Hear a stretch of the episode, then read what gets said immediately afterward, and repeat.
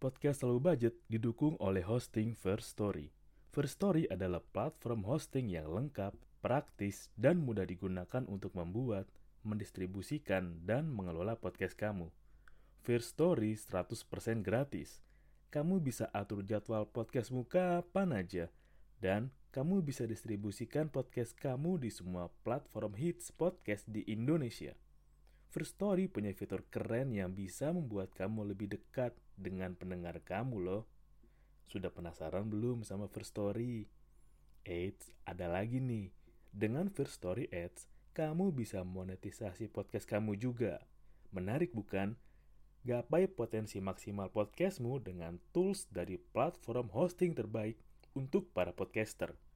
Daftar sekarang di First Story. Mari bawa mimpi podcastingmu menjadi kenyataan. Halo semuanya, selamat datang di podcast Low Budget. Enggak harus mahal untuk nikmatin hidup barengan gue Radonski. Sebelumnya, gue ingin mengucapkan terima kasih sebanyak-banyaknya untuk para pejuang garda terdepan kita dalam menangani pandemi corona ini untuk para tenaga kesehatan, para abang ojol yang masih nganterin makanan, masih nganterin penumpang, para tenaga kesehatan yang lain, para penjual kaki lima, tim penanganan pandemik, dan untuk mereka-mereka yang masih harus beraktivitas di luar ruangan, mencari rezeki untuk orang-orang di rumah. Terima kasih, Tuhan memberkati kita semua, Tuhan menyayangi kita semua. Sebelumnya gue kemarin dengar cerita dari teman gue, jadi teman gue ini punya teman lagi. Dia cerita sih kalau temennya itu terlilit atau istilahnya punya pinjaman dari bank yang nilainya menurut gue gede ya. Karena pinjaman dia itu berasal dari beberapa pinjaman online, ada juga yang dari bank.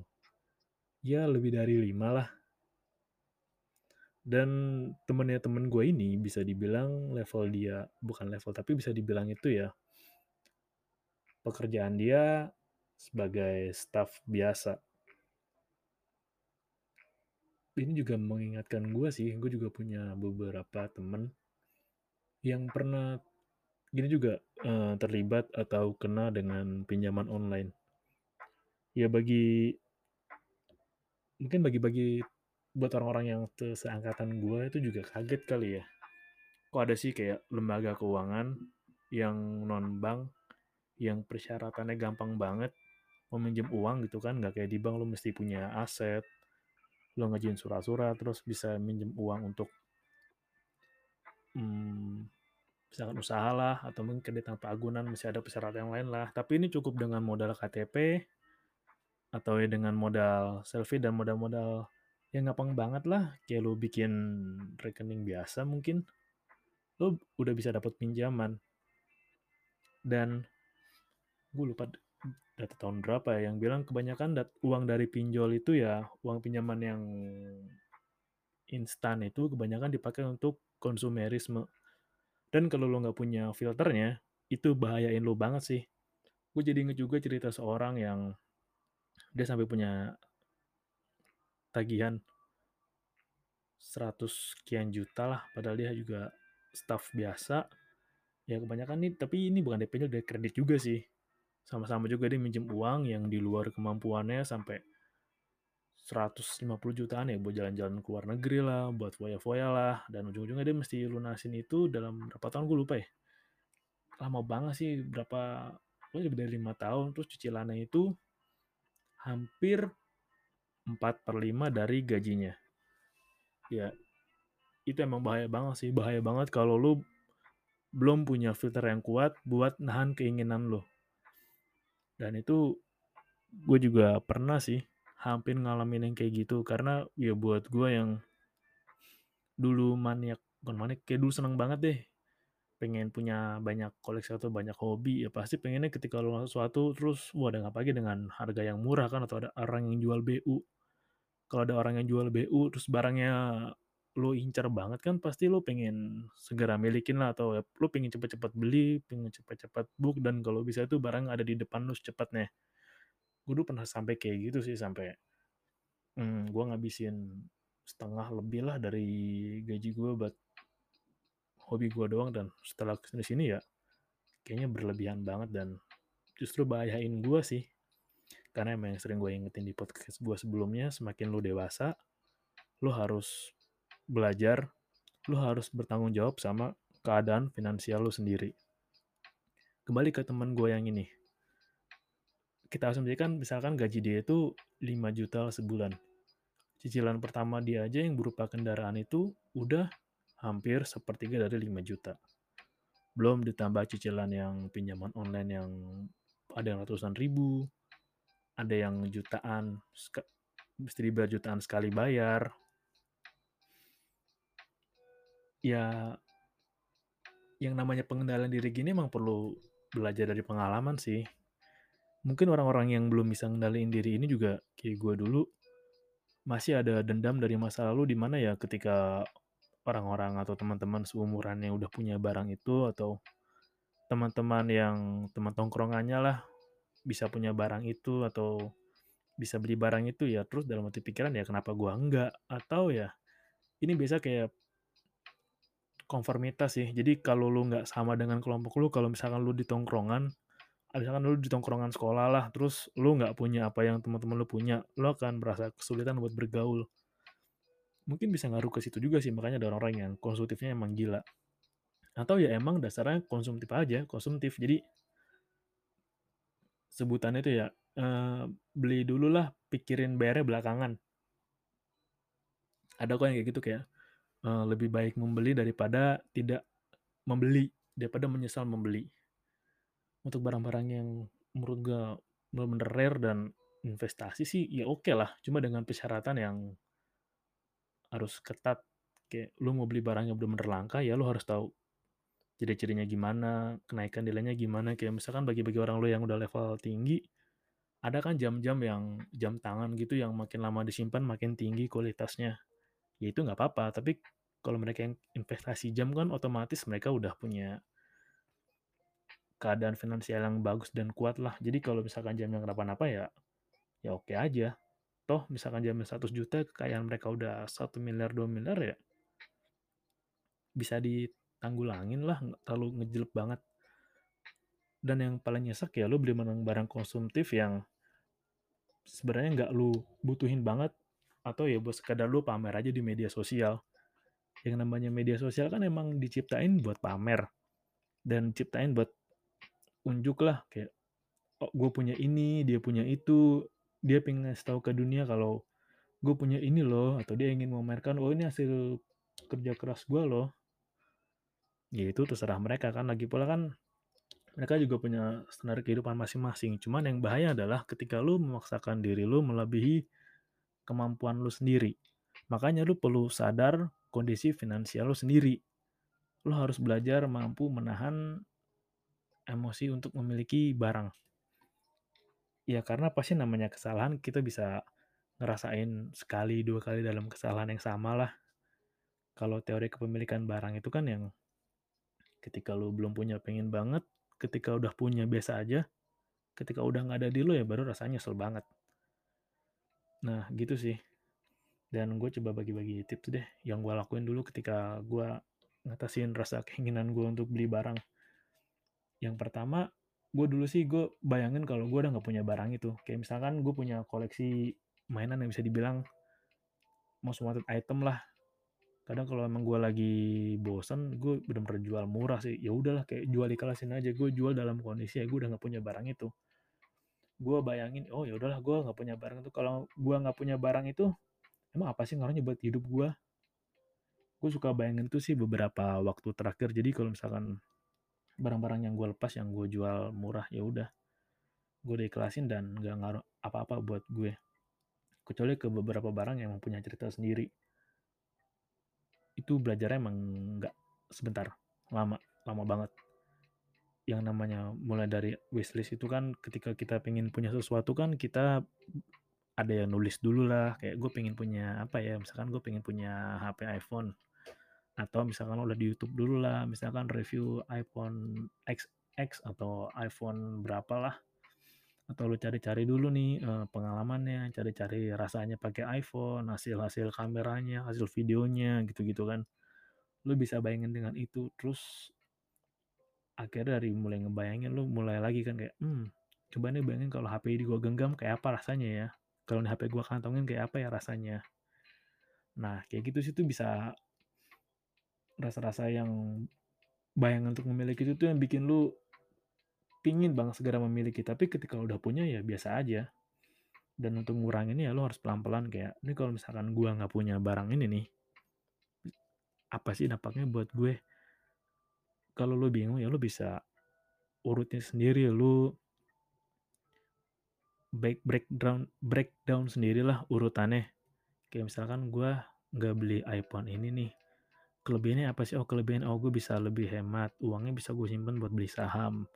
Ya mungkin uang dalam 2 bulan, 3 bulan nggak return, naruh sejuta gitu, tapi kalau dibiarin 2 tahun, 3 tahun kan bisa return lebih kan, tadinya sejuta, 2 juta misalkan jadi 2.500.000, 2.800.000 gitu.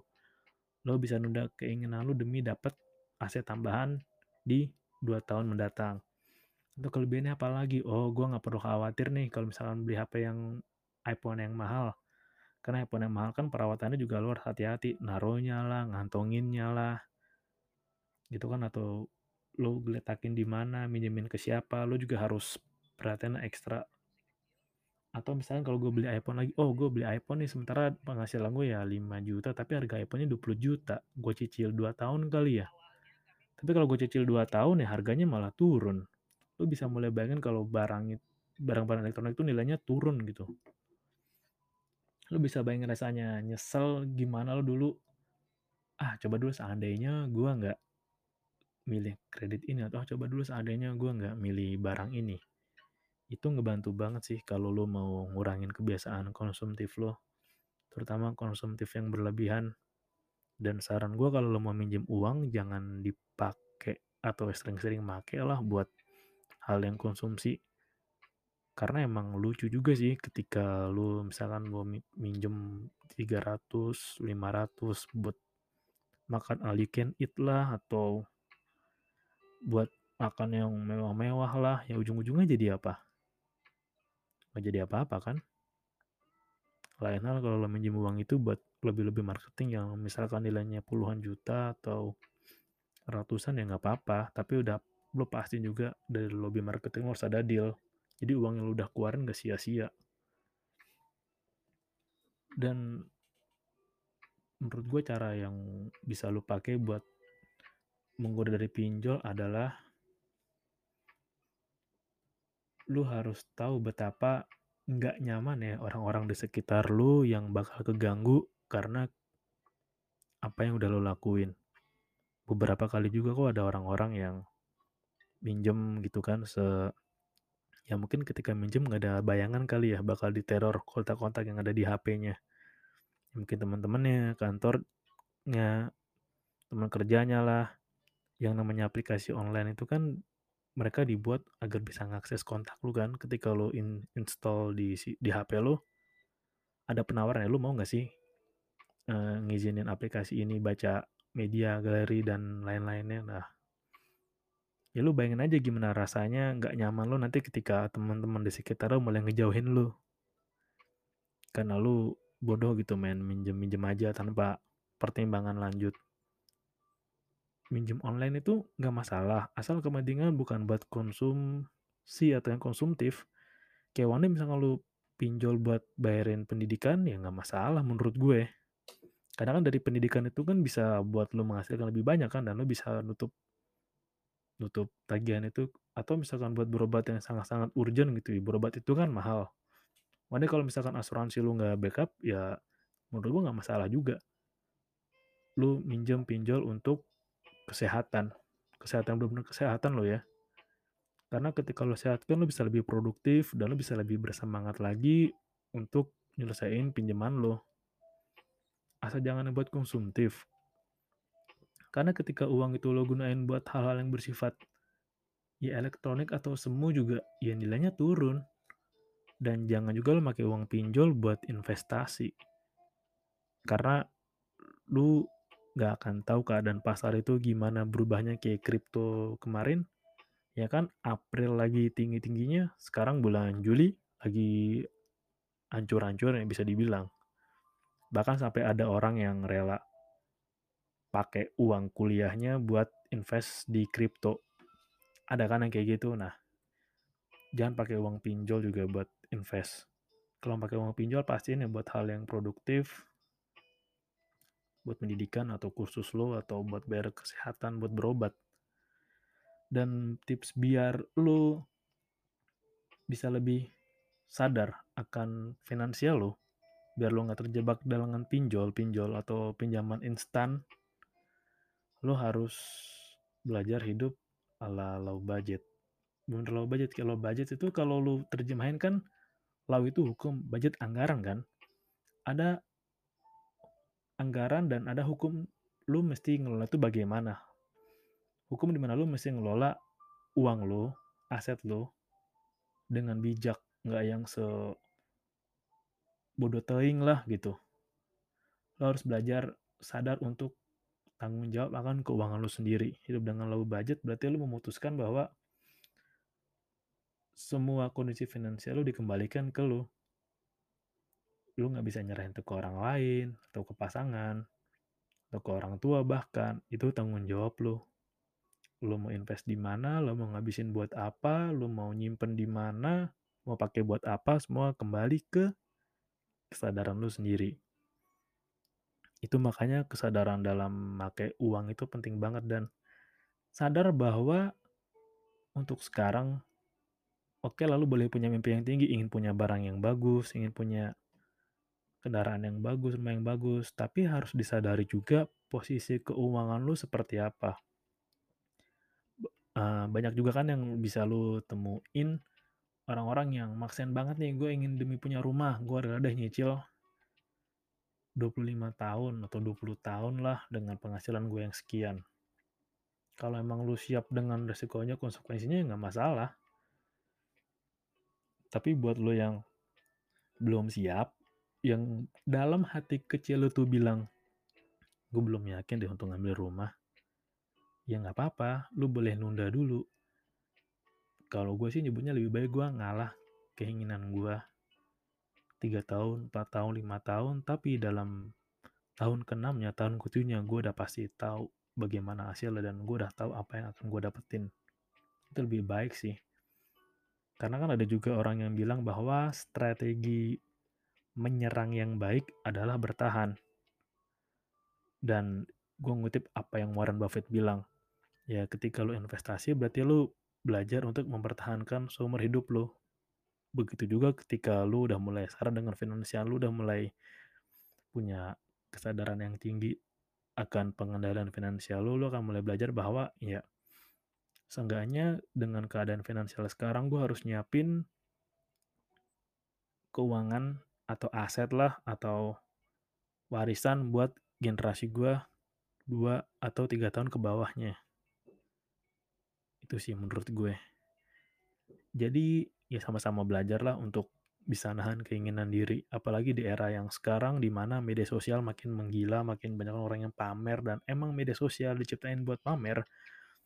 Jadi lu nggak perlu ke bawah sih ketika lu udah punya sesuatu yang bisa lu pegang, ketika lu udah punya keyakinan dan prinsip lu sendiri, lu pasti bisa deh nggak ke bawah arus, nggak ke bawah kebiasaan hedon itu. Kayak gue sekarang gue udah mulai belajar mengenal posisi gue jadi ya orang hedon yang terserah toh.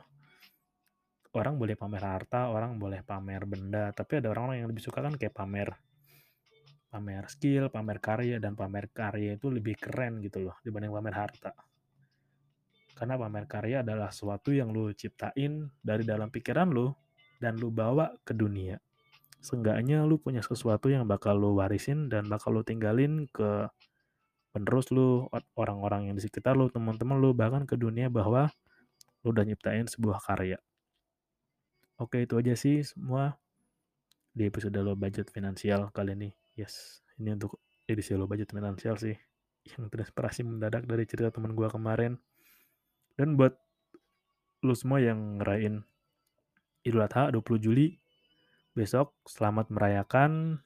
Jangan lupa jaga jarak dan pastiin makan dagingnya jangan kebanyakan, oke? Okay? Salam low budget, nggak harus mahal buat nikmatin hidup. Terima kasih.